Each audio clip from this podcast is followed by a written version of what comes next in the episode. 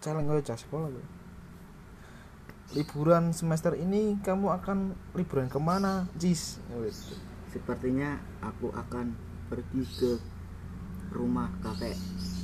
berarti di kampung masih banyak kerbau dan juga sawah ya Meskipun rumah kakek di kampung, tapi sudah tidak ada kerbau kerbau kok sawah-sawah dibajak dengan traktor.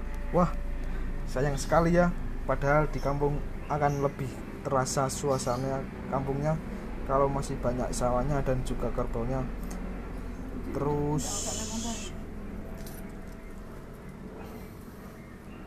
terus selama ini di kampung kakak kamu punya rencana apa Seperti biasa, aku akan membantu kerjaan kakek.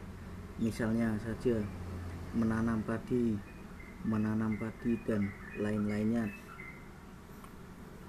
Di Lombok. Di Lombok nanti aku pergi ke Pulau Gili menyelam diving karena aku suka menyelam. Wah, pasti seru ya.